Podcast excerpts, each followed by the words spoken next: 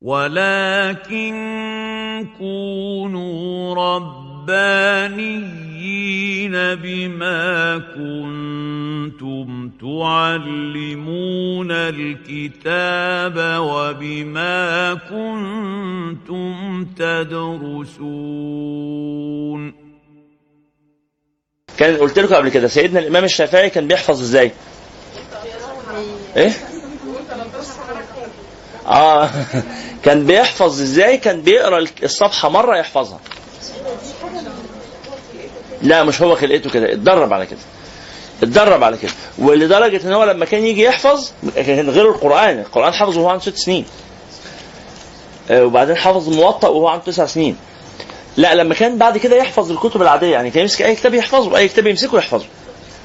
فلما كان يحفظ الكتب كان يعمل إيه؟ وهو قاعد يقرأ بيقرأ الكلام فعينه تلقط الكلام اللي الناحية الثانية فيحفظه معاه. فلما بيحفظ بيحفظ كده السطر على بعض. فكان يتلخبط. آه فيعمل إيه بقى؟ كان يحط إيديه الاثنين على الصفحه اللي على الشمال عشان ما يشوفهاش عشان ما يحفظهاش. أي حاجة عينه بتشوفها بيحفظها. أيوه الذاكرة الفوتوغرافية دي يعني قدرة بنكتسبها بالتدريب كان أي حاجة عينه تيجي عليها يحفظها. فكان بيمنع نفسه من حفظ الصفحه اللي على الشمال بانه يحط ايده عليها ويبص على اليمين بس لغاية ما يقراها مرة. خلصها خلاص حفظها. يقوم حاطط نايل ايديه على الصفحه اليمين يبص على الشمال يقوم حافظها. يقوم يقلب الصفحه اللي عمل معاه كده القرآن من صغره طبعا. بس أنا بقول لكم أهو إحنا ما فاتناش العمر يا جماعة. ما فاتناش العمر. سيدنا الإمام أبو الفرج بن الجوزي بدأ تعلم علم القراءات وهو سنه 83 سنة. لحظة واحدة. وهو سنه كام سنة؟ 83 سنة. أيوه بجد. وأصبح عالم كبير إمام من الأئمة. كان بيروح درس القراءات هو وحفيده. حفيده عيل صغير لسه بيتعلم القراءات. وهو الشيخ الكبير برضه بيتعلم القراءات. فكان يروح الدرس هو وحفيده يقعدوا جنب بعض ويتعلموا خلاص؟ فما فاتكوش العمر. ما اللي فيكم وصل سنه 25 سنة ولا 30 سنة ولا أي حاجة.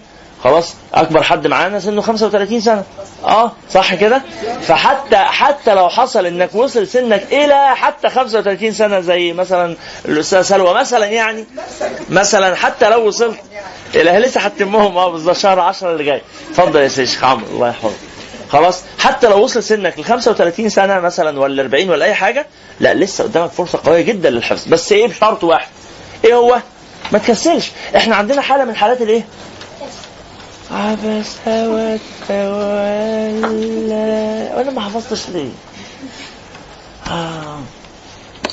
عبس وتولى. إن جاءه أنا هنام منكم. صح ولا إيه؟ ما ينفعش حد يا جماعة ينزل التراك يلعب رياضة وهو بيعمل كده. مش هنحفظ كده. مش هتلعب رياضة. مش ه... ما ينفعش تدخل الجيم عايز ت... ت... تلعب بالبتاع دي اللي الحديد اللي بتشيله تقوم تمسكه تفضل تدحرجه. ترميه لقدام وتروح تجري وتزقه من الناحية الثانية إيه بلعب حديد. تلعب حديد. تلعب بالحديد. آه. فهمتوا المسألة؟ يعني لازم مجهود. لازم تقعد. عبس وتولى. عبس وتولى. أن جاءه الأعمى. عبس وتولى أن جاءه الأعمى. عبس وتولى أن جاءه الأعمى وما يدريك. عبس وتولى أن جاءه الأعمى وما يدريك. عبس وتولى آه. عبس وتولى أن جاءه الأعمى وما يدريك. لا يذكر ويذكر تنفع ذكر عبس لازم تعمل كده. فهمتوا المعنى؟ لكن عبس وتولى. عبس آه. يا إيه ده؟ إيه ده؟ إيه؟ تدبر تدبر مين؟ تدبر مين استغفر الله العظيم يا رب يلا يا جماعة من المصحف مرة بتركيز بتركيز الكلمة اللي عمال أقولها ألف مرة بتركيز لسه قدامنا رحلة طويلة مع بعض ما خلصناش النهارده المحاضرة قبل الأخيرة في رمضان لكن بعد رمضان لسه عندنا رحلة إحنا بدأنا رحلة حفظ القرآن ولن نوقفها إلا لما نختم إن شاء الله لما نختم يا إما مع بعض يا إما متفرقين. ربنا يعينكم على هذه الرحلة المباركة الطيبة اللي ممكن ما تت... يعني ما يخطرش في بالكم. فعلا ممكن تخلصوا هذه الرحلة ختم القرآن تخلص معاكم في شهرين. بس بش... بشهرين ده بتفرغ تام. ينفع. ينفع. بتفرغ تام. لو قاعد ما بتعملش أي حاجة في حياتك من الصبح بالليل كل يوم لمدة شهرين تختم القرآن. في اليوم حزب. القران كله. في اليوم حزب عادي. وبالفعل عملوها الناس. يعني عندنا في مدينة نصر عملنا التجربة دي كده خلاص. ويعني عدد كبير جدا من الناس أتم حفظ القرآن. كانوا معتكفين في المسجد شهرين. في اليوم حزب. إيه؟ لا ما هو بالمراجعة بقى. بنحفظ بسرعة وبعدين بنراجع. ما بننساش بسرعة ولا حاجة. خلاص. أو حاجة تانية 8 شهور. لو بتحفظ في اليوم صفحتين. 8 شهور. أو سنتين. لو بتحفظ في اليوم صفحة. لو كل يوم صفحة واحدة بس صفحة واحدة. سنتين. اللي فيكم يا جماعة عنده 25 سنة. عدى عليك كام سنتين قبل كده؟ يعني سنتين دي جربناها كذا مرة عادي يعني. خلاص؟ فيعني بعد سنتين لو بدأت من دلوقتي بعد سنتين هتكون خلصت. ولو ما بدأتش دلوقتي بعد سنتين هتكون ما خلصتش. يا للعجب فتيجي بعد سنتين تقول يا ريتني كنت بدأت. فاكرين فاهمين المعنى ده؟ كنت كتبت على صفحة عندي من كام فترة كده إنه ملاحظة. نقطتين. إيه هي الملاحظة؟ مرت أربع سنوات على الأمر الذي استثقلته منذ أربع سنوات وقلت يا سيأخذ أربع سنوات. فهمتم؟ يعني ما استثقلته منذ أربع سنوات وقلت سيأخذ أربع سنوات؟ مرت الأربع سنوات. فكان ممكن تخلصه. فكنت دماغك ترتب حاجة تنعقد عليها على كل حال. بتحفظ في اليوم نص صفحة هتخلص في أربع سنين. في أربع سنين بس كل يوم نص صفحة. ها؟ كل يوم ربع صفحة هتخلص ثمان سنين. قليل دائم. يا سارة خير من كثير منقطع. قليل دائم. وأي مقدار ولو بسيط بس نكمل فيه. نكمل. فإحنا المعدل اللي ماشيين بيه دلوقتي إن شاء الله يعلى. إحنا بدأنا الأول بخمس سطور. نص صفحة. آه إن شاء الله صفحة. آه بعد شوية يتسارع معانا المعدل إن إحنا في المرة نحفظ صفحة ونص صفحتين هو الحفظ ده ممكن نحسبه من الورد بتاع ممكن طبعا. يعني بدل ما نقرأ جزء نحفظ بدل ما نقرأ جزء نقرأ نص جزء ونحفظ النص التاني. بالظبط كده. خلاص ربنا يفتح لكم وبكم إن شاء الله. نعم يا. آه النبي عليه الصلاة والسلام يقول يقال لقارئ القرآن يوم القيامة اقرأ وارتقي ورتل كما كنت ترتل في الدنيا. فإن منزلتك عند آخر آية تحفظها. يعني الإنسان يأتي يوم القيامة فالله سبحانه وتعالى جعل الجنة مقسمة كده درجات بعدد آيات القرآن. يلا ابدأ القراءة. فتبدأ القراءة. أنت حافظ قد إيه؟ سبع آيات بتوع الفاتحة. طب طب حافظ سورة الناس. طب الفلق. طب الإخلاص. طب الكوثر. تفضل تعلى. لغاية لما تقف عند آخر خلاص تفضل تشحذ ذهنك بقى. طب آية من هنا طب آية من هنا آية من هنا. تقف. الذي أتقن مثلا نصف القرآن يوصل لنصف مراتب الجنه أتقن القرآن كله ما شاء الله. مع الإخلاص طبعا. مرة أخرى قال رسول الله صلى الله عليه وسلم يقال لقارئ القرآن اللهم اجعلنا منهم يا رب. معناها بقى اللي هو بيقرا ما هو بقية الآية اهي يقال لقاء آه قارئ هنا معناها قارئ الذي يقرأ من ذهنه من حفظه. يقال لقارئ القرآن يوم القيامة اقرأ وارتقي ورتل. ورتل. ورتل. عبس ورتل. كما كنت ترتل في الدنيا فإن منزلتك عند آخر آية تقرأها وعند آخر آية تحفظها ان آه نعم. نعم أن يموت على ذلك. أن يموت على ذلك. نسأل الله سبحانه وتعالى ألا يقبضنا إلا وقد حفظنا القرآن. اللهم آمين. ويا جماعة أرجوكم ما تستثقلوش ده. مش ثقيل والله إنه ليسير على من يسره الله عليه. محاولة وتدريب. حبة صبر حبة حماس. بسم الله عبس وتولى. ها من المصحف. عبس وتولى أن جاءه الأعمى وما يدريك لعله يزكى. أو يذكر فتنفعه الذكرى أما من استغنى فأنت له تصدى. وما عليك ألا يزكى. وأما من جاءك يسعى وهو يخشى فأنت عنه تلهى. كلا إنها تذكرة فمن شاء ذكره. في صحف مكرمة مرفوعة مطهرة بأيدي سفرة كرام بررة. قتل الإنسان ما أكفره. من أي شيء خلقه من نطفة خلقه فقدره ثم السبيل يسره ثم أماته فأقبره ثم إذا شاء أنشره. كلا لما يقض ما أمره فلينظر. لو وقفنا هنا عرفوا عرف. لا لا لا. كلا لما يقضي. هنقف هنا. يلا تسميع. اتفضلوا بسم الله. عبسة بسم الله. الرحمن الرحيم ها. عبس وتولى ها. ها. وما يدريك لعله يزكى أو يذكر فتنفعه الذكرى. ها. أما من استغنى فأنت له تصدى. وما عليك ألا يزكى. ها. وأما من جاءك يسعى وهو يخشى فأنت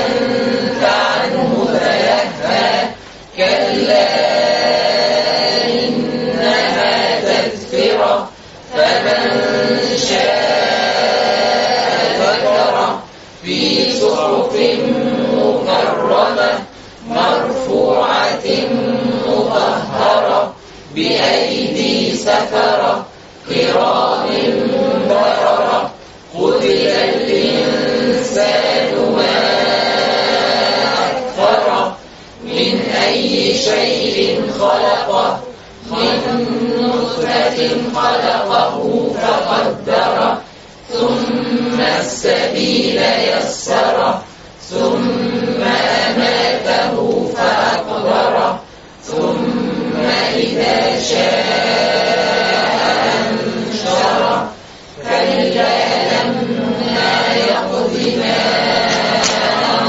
فتح الله لكم إن للمتقين مفازا حدائق وأعنابا وكواعب أترابا وكأسا دهاقا كواعب أترابا شرحناها أمس فقلنا إن الكواعب هن النساء معتدلات الأجسام أو الأجساد اللواتي برزت صدورهن يعني كناية عن بلوغهن واستوائهن.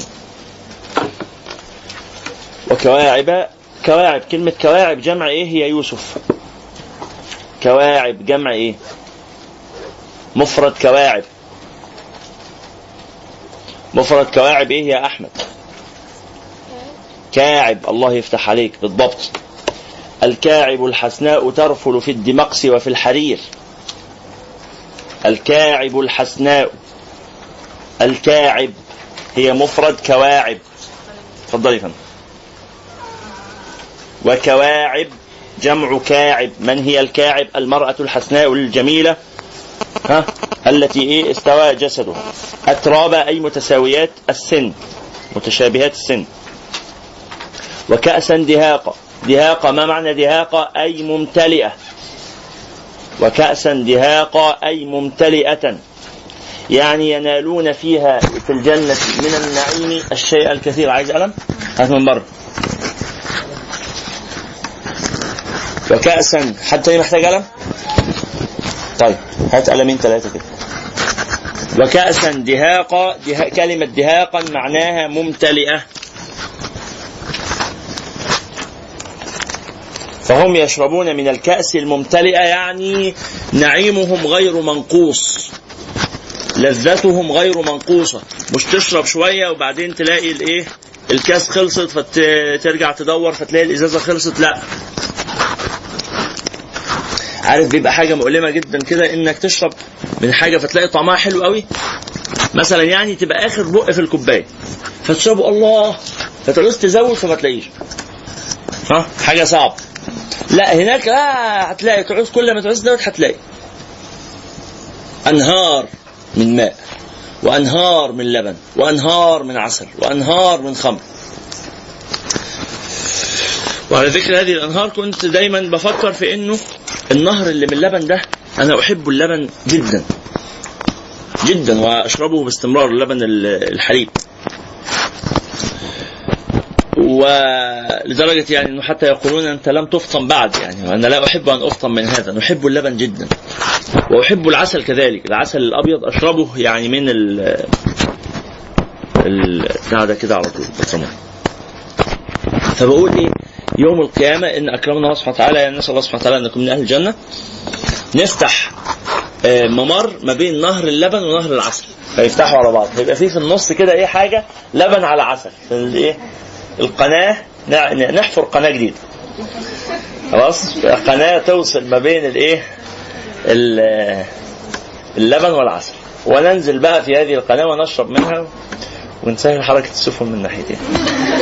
المهم خلاص؟ وكواعب أترابا وكأسا دهاقا أي ممتلئة لذتهم بها غير منقوصة. لا يسمعون فيها لغوا ولا كذابا. ما هو اللغو؟ اللغو هو الكلام الذي لا فائدة فيه. فهم لا يسمعون لغوا. آه، متعب قوي مرهق إنك تسمع كلام ملوش لازمة. وإن يبقى أغلب الكلام اللي تسمعه ملوش لازمة. كما يقولون يا شيخ سعد يقول لك إيه؟ يقولوا هناك إنسان يتحدث كثيرا ولا يقول شيئا. عارفهم دول؟ يتحدث كثيرا ولا يقول شيئا. ما تيجي هنا أحسن عشان أبقى شايفك تعال. ت- تخر يا شيخ يوسف. يعني إيه بقى يتحدث كثيرا ولا يقول شيئا يا شيخ عمرو؟ تعال أنت كده شوية بقى. ها؟ ما معنى يتحدث كثيرا ولا يقول شيئا؟ فاهمين؟ المعنى ما قالش حاجة مفيدة. ما قال بالظبط. كل الكلام بتاعه ملوش لازمة. يا يا عم قول حاجة اعقلها قول حاجة أفهمها قول حاجة تتحول إلى عمل. لا وطول النهار لوك لوك لوك لوك في الفاضي. وهنا ده يعني إشارة لنا بالذات للايه للاخوات إنه الكلام الذي لا فائدة فيه عذاب نزه الله أهل الجنة عن أن يصابوا به. آه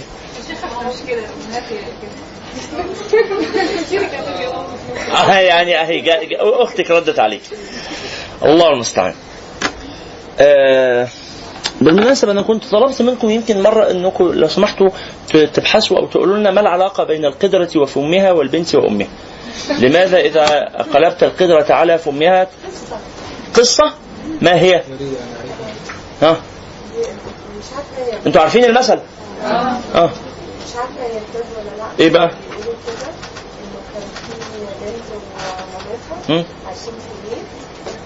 فمامتها بعتتها علشان تروح تجيب فول. طيب. آه، كده طيب. وبعدين لما رجعت البنت آه، للبيت ها؟ لقيت إن السلم وقع. طيب.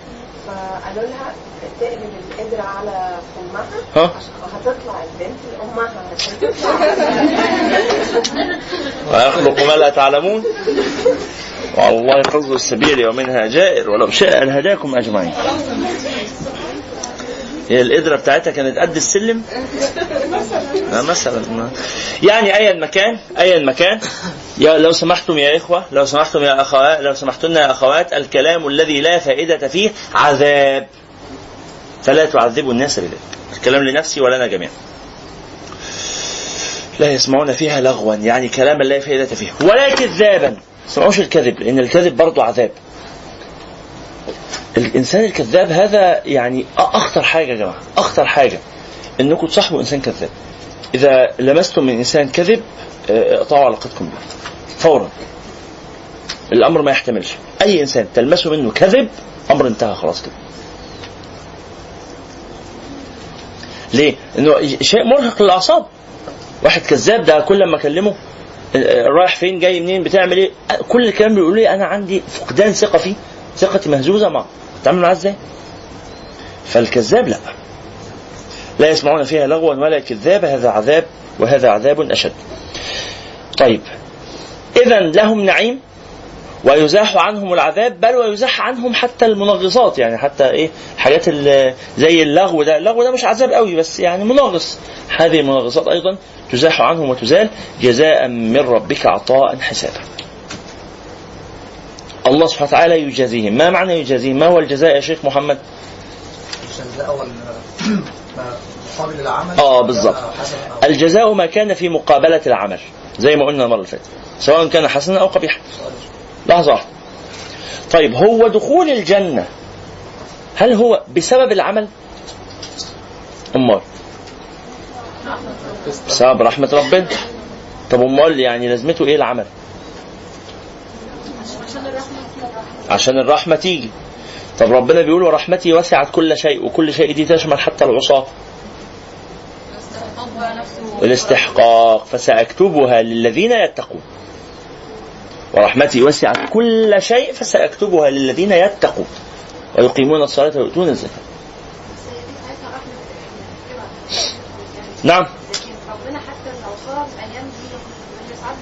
صحيح مظبوط. مظبوط. طبعا صحيح. صحيح. طيب يقولوا لنا العلماء إنه الأعمال شرط لدخول الجنة وليست ثمنا لدخول الجنة. الأعمال شرط لدخول الجنة وليست ثمنا لدخول الجنة. ما هو الفرق بين الشرط والثمن يا شيخ أحمد؟ أن الشرط لا يترتب على حصوله منفعة بخلاف الثمن. الشرط لا يتحقق لا يترتب على حصوله منفعة. غالبا. يعني لما أجي أقول لك مثلا أو اب يقول لابنه شرط عشان أجيب لك عجلة انت عايز عجلة؟ شرط ان أنا أجيب لك عجلة ان انت في الامتحان تتفوق تجيب 100% لما الولد يؤدي هذا الشرط وينجح ب 100% في الامتحان هل استفاد أبوه شيئا؟ لا. لكن لما تحقق الشرط هيجيب له المشروط اللي هو العجلة. لما يروح بقى للراجل هل بيقول له بص يا عم يا بياع العجل أنا ابني جاب 100% في الامتحان هات بقى عجلة. يقول له يا عم أنا مالي؟ يقول له أهو ما هوش هو نجح. وجاب 100% خلاص ما هو هذا ثمن للعجلة. يقول له لا ده شرط. للعجلة مش ثمن للعجلة. فهمتوا المعنى؟ نعم اتفضل يعني بمناسبة الآية دي كان مرة واحد جه الشغل قال لي كده جملة سؤال رخم شوية بيقول لي هو النعيم في الجنة ده مش منه؟ آه سؤال جميل مش رخم ده سؤال حلو خالص. أخونا الكريم اسمعوا السؤال الجميل ده. أخونا الكريم بيقول هو نعيم الجنة ده ما بيتزهقش منه؟ أي نعيم في الدنيا أي نعيم يا جماعة مهما كان حلو بيتزهق منه. أي نعيم يعني لو جربت أي حاجة مهما كنت بتحبها لو فضلت عليها شوية صغيرين هتكرهها. و ولذلك يعني أنا شخصيا كثيرا ما أفعل هذا الأمر. لما أشتهي طعام جدا آه، أفعل أحد أمرين. إما أداوم على أكله يوميا لمدة شهر شهرين إلى أن تعافه نفسي. افضل كل يوم أكله. كل يوم كل يوم كل يوم. خلاص إلى أن تعافه نفسي. أو من أول يوم أتوقف عن اكله بالكلية. خلاص لغاية ما يعني أتجاهله تماما. وحتى لما كان السنة اللي فاتت كده كان يعني كنت كريت بعض البلاء اليسير كده وبعدين بعض أحبابي بقى وكثير من الأحباب والأصحاب كل اللي كان يقابلني يقول لي تعالى أنا عازمك على مكرونة بشاميل لما يعلمون من حبي له. فقلت لهم يا جماعة ربنا يكرمكم. ده كلام بنقوله في المحاضرات على سبيل الإيه؟ يعني ممازحة الناس عشان يركزوا كده لكن لا الأمر هين مش يعني مش حياتي تتحول لانهار من المكرونة البشاميل يعني. فأصروا. فكل لما حد يعزمني ألاقيه عامل لي مكرونة بشاميل. فبقيت مثلا نحو شهر شهر ونص لا آكل إلا المكرونة بشاميل. حتى عافتها نفسي يعني درجه ما حد يجيب سيرتها جنبي بشمئز جدا وبكرة. فالنعيم كل النعيم كذلك. منظر مثلا الشلال. الشلال شكله حلو قوي. بس لو رحت قعدت أنا جربت هذا. لو رحت قعدت عند الشلال ساعة ساعتين ثلاثة بتزهق. ممكن أربع ساعات. أسبوع أقصى حاجة. وبعدين الحياة مملة. إيه بقى المسألة؟ الله سبحانه وتعالى يقول عن عن أهل الجنة أنهم خالدين فيها لا يبغون عنها حولا. لولا هذه الكلمة لكانت الجنة ذهب.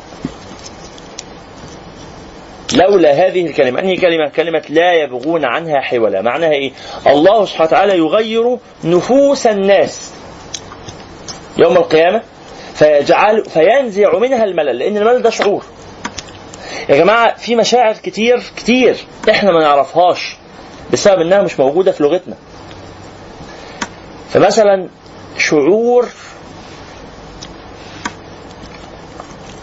أقول لكم إيه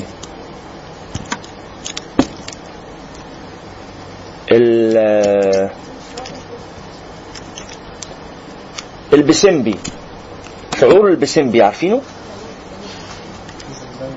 إيه؟ زي الزمباوي آه بالظبط شعور البسمبي ده زي شعور الزمباوي كده شعور البسمبي هل تعرفونه؟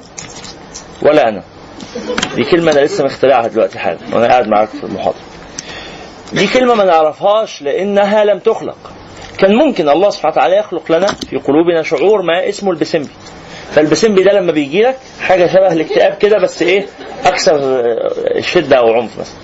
أو مثلا البسمبي ده بيجي للناس لما بيصحوا من النوم مثلا قبل ما يكونوا ناموا عدد ساعات نوم كافي يقول لك مالك؟ تقول له أنا ما أعرفش حاسس ببسمبي كده خلاص؟ فالبسمبي مثلا ممكن يكون شعور بيصيبك إنه صباعك ال- الخنصر ده بيوجعك قوي. هتلاقي عمال ماشي كده تلاقي ناس ماشي في الشارع عامل كده فتقول ما آه معلش ده عنده بسمبي. آه. الآن هذا البسمبي لا نشعر به صحيح؟ لماذا؟ لم يخلقه الله. طب لو كان خلقه الله كنت هتلاقي واحد داخل المحاضرة عامل كده ماله؟ بسمبي. طبطبوا عليه ومعلش وابدأوا عالجوه علاج البسمبي إيه؟ إن إحنا نحط إيده مثلا في مية إن إحنا ن... كنا هيبقى شعور ما مرض ما وهيبقى ليه علاج ما. الآن هذا مرض غير موجود. مرض البسمبي ده أو شعور البسمبي إنك مثلا صباعك اليمين ده الخنصر ده يوجعك هذا غير موجود. لماذا؟ لأن الله لم يخلقه. فإيه اللي مخلي شعور الملل الزهق؟ إيه اللي مخلي الشعور ده موجود؟ إن ربنا خلقه. فالله سبحانه وتعالى ينزعه. خلاص ما يبقاش موجود. يبقى زيه زي البسمبي. فتقول للناس في الجنة ملل يقول لك يعني إيه؟ يا جماعة ملل ملل اللي هو يعني إيه؟ كلمة مش مفهومة فهمتوا المعنى؟ كلمة ملهاش معنى بالنسبة لهم. كلمة ملل كلمة غير موجودة في القاموس. هم لا يبغون. ولذلك؟ يروى من نعيم واحد من أهل الجنة أنه يجلس متكئا. يعني عارفين الاتكاء؟ إن الواحد يريح على جنبه كده. يجلس متكئا. فينظر إلى امرأة من الحور العين. سبعين سنة لا يحول نظره عنها. عمل كده؟ آه. انت لو قعدت تنظر إلى شيء. عشر دقائق ربع ساعة وبعدين خلاص بقى. عينك لوحدها بتتعب ما. هو يجلس متكئ. سبعين سنة لا يحول نظره عنها ما وراهمش حاجة. آه. سبحان الله. ده حاجة جميلة إن الواحد يبقى ما وراهوش حاجة دي. فالله المستعان. خلاص فهذا هو. لا يبغون عنها حولا يعني جزاء من ربك عطاء كتاب نفس المعنى خالدين فيها ابدا. طيب. رب السماوات والأرض ما بينهما الرحمن. ما معنى الرب؟ الرب هو الراعي الخالق المدبر المنشئ المقدر كل هذه المعاني. الرب هو الراعي والمنشئ والمدبر والخالق رب. ويقال رب الأسرة أي منشئ الأسرة وراعي الأسرة. ومدبر أحوال الأسرة. ربة المنزل. هي التي تدبر أحوال المنزل وترعى شؤون المنزل وتنشئ المنزل. وهكذا. فرب السماوات هو الذي أنشأ السماوات والأرض. وما بينهما. الرحمن لا يملكون منه خطابا. يعني أن الناس يوم القيامة لا يستطيعون أن يخاطبوا ربهم سبحانه وتعالى إلا إذا أذن لهم. لا يستطيعون أن يتحدثوا مع الله سبحانه وتعالى لا يستطيعون مناجاة الله سبحانه وتعالى. مناجاة الله في الدنيا كانت سهلة. مناجاة الله في الدنيا سهلة في الآخرة قبل الحساب صعب جدا. لا تستطيع أن تناجي الله سبحانه وتعالى. ولذلك يفزع الناس إلى إلى الأنبياء. يروحوا لسيدنا آدم يروحوا لسيدنا نوح يروحوا لسيدنا إدريس يروحوا لسيدنا يروح سيدنا إبراهيم يروحوا لسيدنا موسى. ليه المناجاة صعبة؟ لا يملكون منه كله قبل الحساب. ويجي الآية اللي بعدها بتقول لك إمتى بقى؟ يوم يقوم الروح والملائكة صفا لا يتكلمون. أهو الناس واقفة والملائكة واقفين صفا. والوقوف صفا هذه هيئة المتأدبين. إحنا لو في رحلة ما بنقفش صف. ليه؟ لأن إحنا خارجين على النظام. إحنا دلوقتي في رحلة في نزهة. لكن لما نكون مثلا في الجيش لما نكون في الفصل الدراسي لما نكون في كده بنبقى قاعدين إيه؟ صفوف. ما بنبقاش قاعدين متبعثرين. نعم.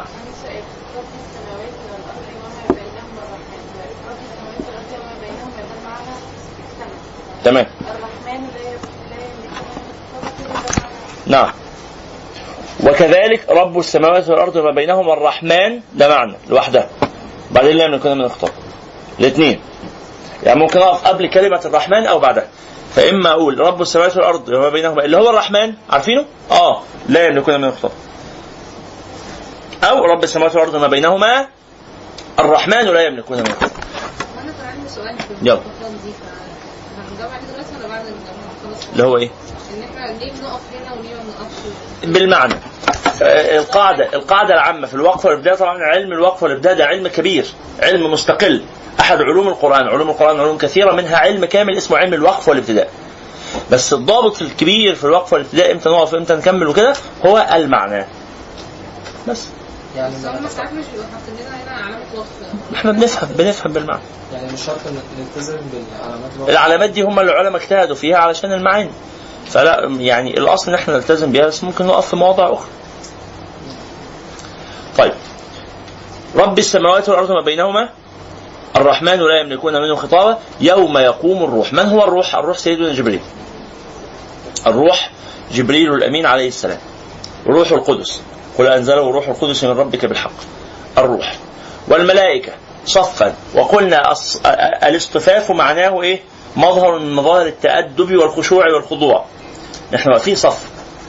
الناس لو واقفين مثلا في انتظار ملك من الملوك نلاقي واقفين إيه؟ صف كده منتظرين. ولا بيقفوا آه، متنطورين وهو يفضل يلف عليهم كل واحد في حتة؟ لا بيقفوا صف جنب بعض. يوم يقوم الملائكة آه، يوم يقوم الروح والملائكة صفا لا يتكلمون. قلنا إن مناجاة الله سبحانه وتعالى صعبة فحتى الملائكة لا يتكلمون. يبقى المناجاة ليست صعبة على الناس فقط بل على الملائكة. عارف ولله المثل الأعلى. لما يبقى واحد واخد عليك ولله المثل الأعلى. واحد واخد عليك ومدي لك مساحة وبتروح له في أي وقت تدخل عليه وكده. وعليكم السلام ورحمة الله وبركاته.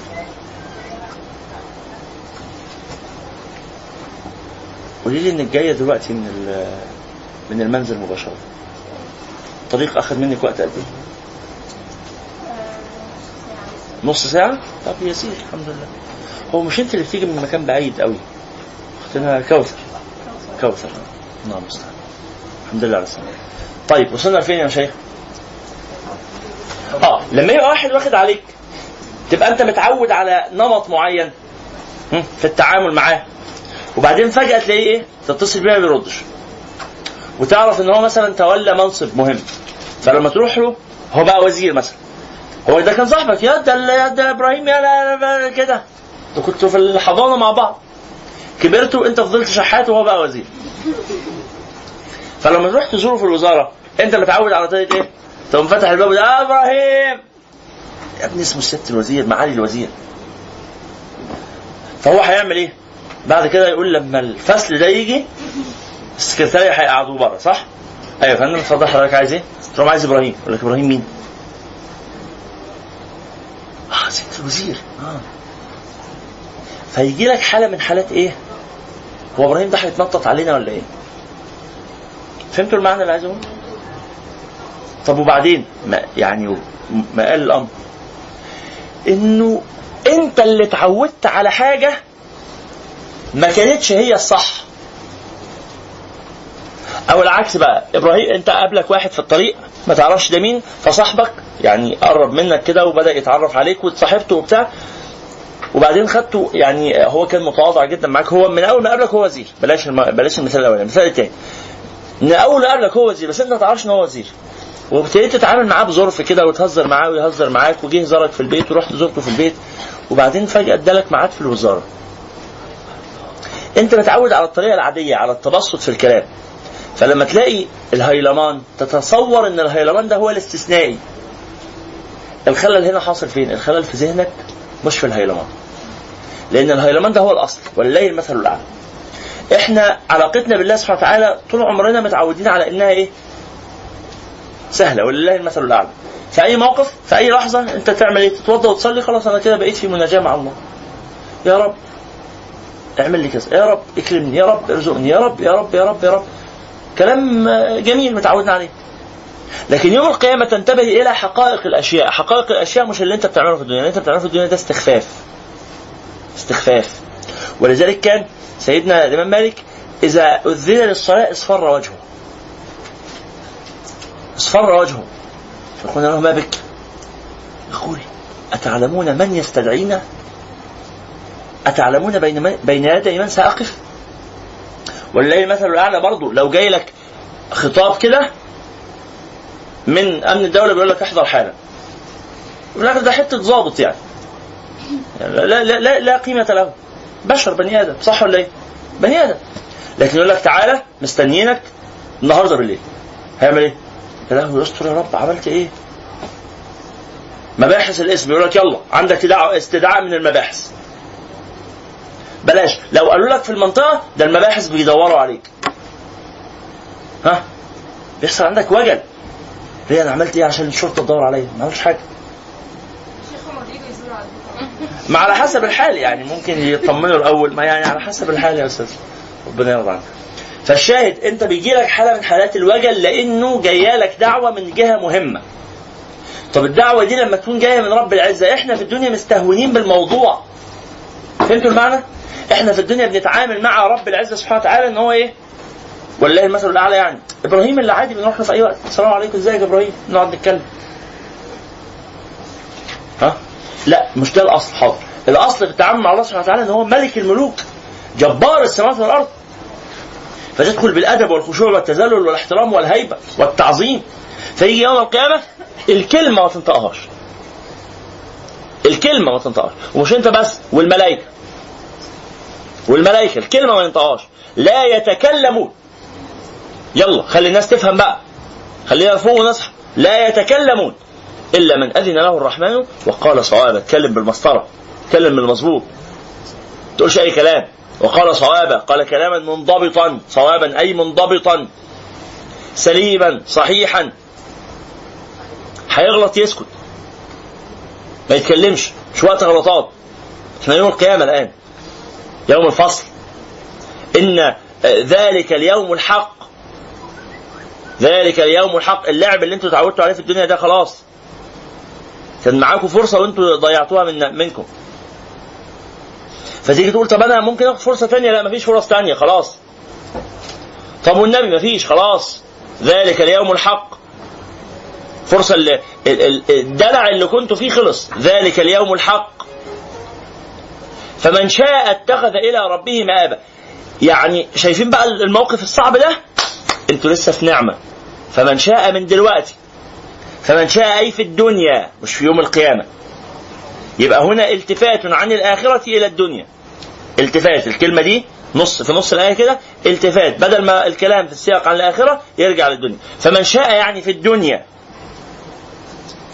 استعدادا لذلك اليوم الحق استعدادا لهذا المشهد العظيم. فمن شاء اتخذ إلى ربه مآبا يعني فمن شاء عمل عملا إن آب إلى الله وجده. هذا معنى كلمة مآب.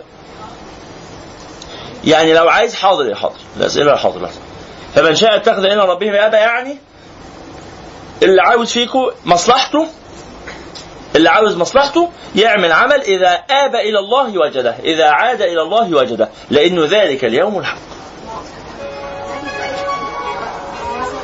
آه بس يعني وجده شافعا له. وجده آه، مؤنسا له. وجده آه، مدافعا عنه. ها. فمن شاء اتخذ إلى ربه مآبا إنا أنذرناكم عذابا قريبا. الله سبحانه وتعالى يقول لكم يا من تعيشون في الدنيا في هذا النعيم ورغد العيش وما ذلك خذوا بالكم العذاب قريب إنا أنذرناكم عذابا قريبا. خلاص مش فاضل حاجة.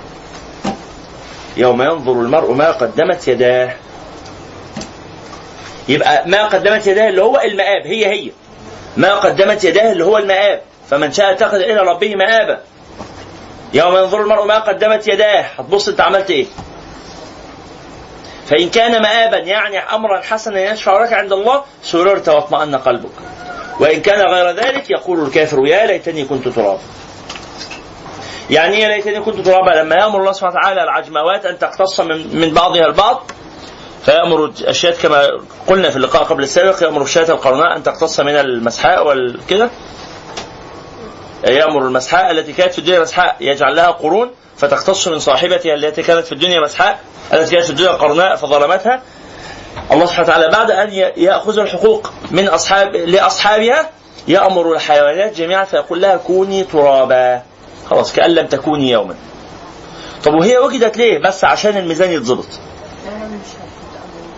خلاص. لا. من أراد وجد بس تنعيما مش هي حيوانات الدنيا. من أراد وجد نعيما. خلاص. فالكافر يقول يا ليتني أكون مثل هذه الحيوانات وأتحول إلى تراب يعني يا ريتني ما كنت اتوجدت أصلا. ها؟ جزاء ما يجد من عمله الشر. تفضل يا غضبه نعم لم يغضب قبلها مثلها طيب إزاي هو رب- يعني في الايه آه، ذلك اليوم يوم يقوم الروح والملائكه صفا لا يتكلمون بأبدا والرحمن وقال صواب ربنا بينسب لاسمه الرحمن نعم. لأن الله سبحانه وتعالى رحمته سبقت غضبه. ولأنه سبحانه وتعالى مع كل غضبه هذا الذي يكون يوم القيامة هذا غضب محاط بالرحمة أيضا. مشمول بالرحمة أيضا. مجاور للرحمة أيضا. فلا تتصوروا أنكم عندما تعودون إلى الله سبحانه وتعالى يوم القيامة لا تعودون إلى رب آه، لا يرحمكم بل يرحمكم أيضا. فهي بشارة مع الإنذار. نعم.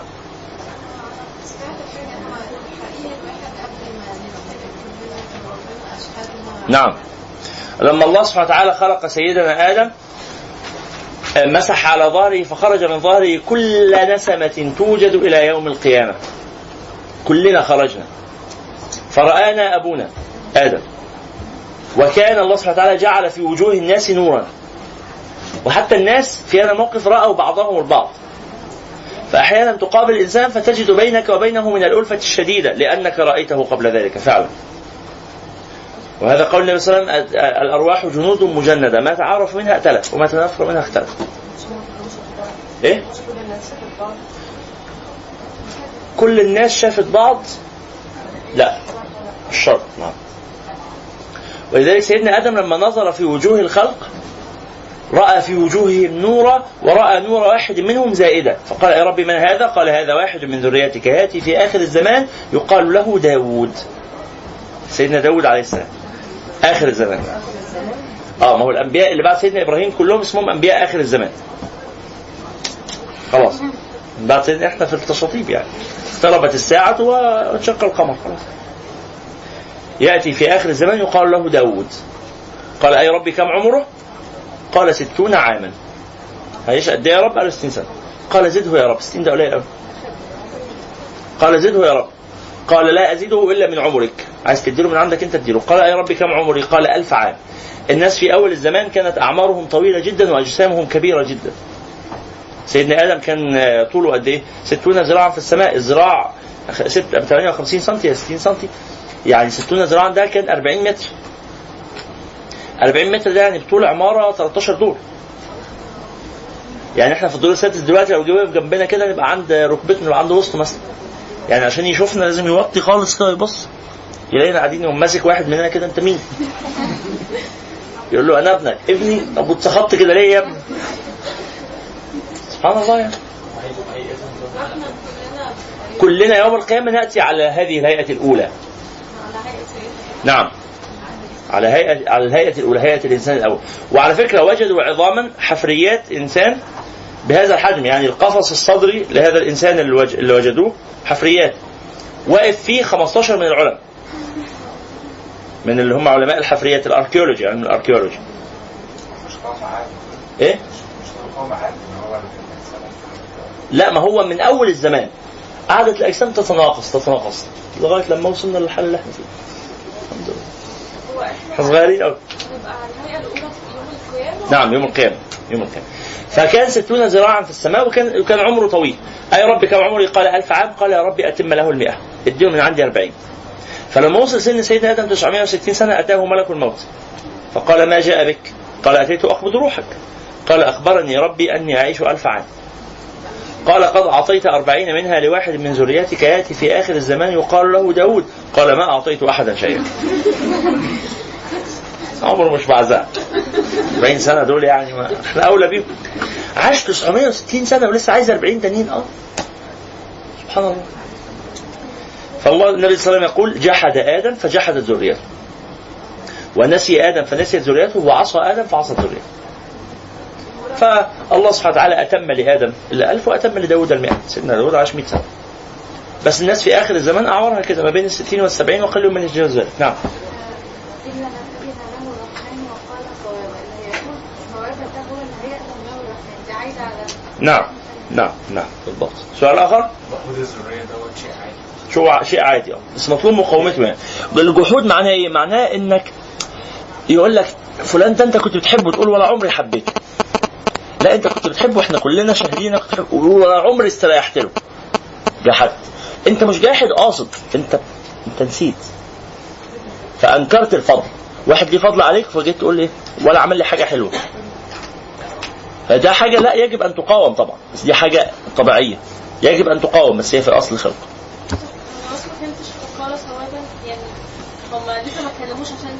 ما هو الله سبحانه وتعالى يأذن له بشرط أن يقول صوابا. قلت ان إحنا يعني إيه الغلط اللي أو اللي صح الصح أن أنا أعلم وأنا أناجي الله أني أناجي عظيما. فأناجيه بوصف الأدب وبوصف ال... آه طبعا. حاجة لا حاجة في القلب حاجة في القلب. نعم. هم.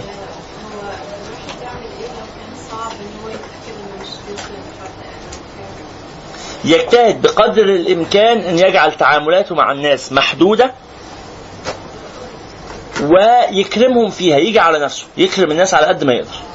أي حاجة تحتمل إن هو يبقى غلطان يغلط نفسه ويدي الحق للناس. خليها عليا أنا. لما أجي في الميزان بلاش يعني أستقوى على الناس أقلل شوية ما يضرنيش. الراجل نقول للبياع لما تيجي تبيع زود خسر نفسك شوية وزود في ميزان الناس. ولما أجي أقول للمشتري أقول له لا قلل أنت من ميزانك شوية لصالح البائع يعني لو أنت بتوزن لنفسك إيه، هو أزود لك مفيش مانع. بس إيه لا الأحسن إنك ما ت... لو أنت بتوزن نفسك ما تزودش. مش وهو بيوزن كده تقوم تقول له إيه يلا حط دي على البركة. لا ما ما تعملش كده.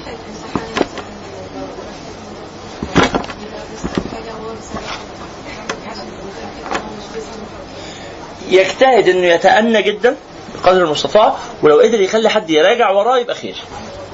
لو قدرت أخلي حد يراجع ورايا حتى عينة عشوائية. مش لازم يراجع ورايا كل الأوراق لأنه ممكن يبقى مستحيل.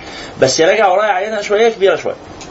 بس وقت ان خلاص ولا نفسا إلا وسعها. طب واحد في النص أنا غصب عني وقعت مني حاجة تجاوزت في حاجة كده أسأل الله سبحانه وتعالى إن هو يرضيهم جميعا. وأجتهد في الدعاء إن يا رب يرضيهم ويعوضها لهم في مادة ثانية بس إن هم يخرجوا في الآخر واخدين حقهم ومتراضيين يعني. بس جزاكم الله خيرا. ثم يقول الله سبحانه وتعالى بعد ذلك بسم الله الرحمن الرحيم والنازعات غرقا والناشطات نشطا والسابحات سبحا وهم الملائكة الذين يقبضون الروح. نتحدث عنهم في لقاء الغد إن شاء الله. وصلى الله على سيدنا محمد وعلى آله وصحبه. جزاكم الله خيرا. سبحانك اللهم وبحمدك. أشهد أن لا إله إلا أنت